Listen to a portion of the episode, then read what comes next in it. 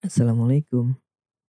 Buat kamu yang masih dalam sebuah masalah ataupun sedang dalam suasana terpuruk, tetap semangat dan selamat mendengarkan.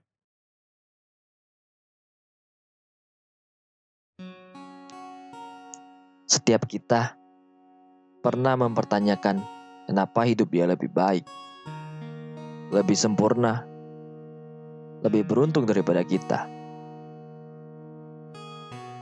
Hingga pada akhirnya kita lupa kenapa kita tidak bersyukur dengan apa yang kita miliki. Dan juga lupa untuk mencintai diri sendiri serta menghargai apa yang telah ada. Sudahlah. Hidup memang seperti itu. Tapi kamu harus tetap semangat.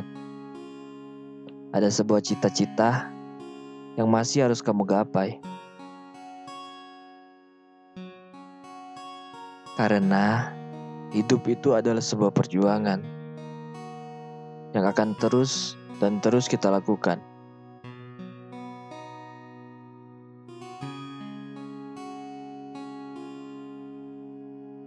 Dan terkadang mereka yang terlihat bahagia belum tentu selalu seperti itu. Mungkin ada sebuah masalah yang sedang mereka sembunyikan di balik kebahagiaan mereka, atau sebuah senyuman yang memiliki kebahagiaan,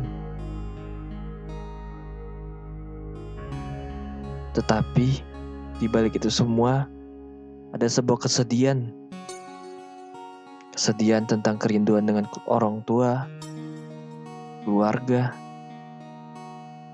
yang mungkin jauh di sana. Cobalah lihat dunia ini yang jauh lebih luas.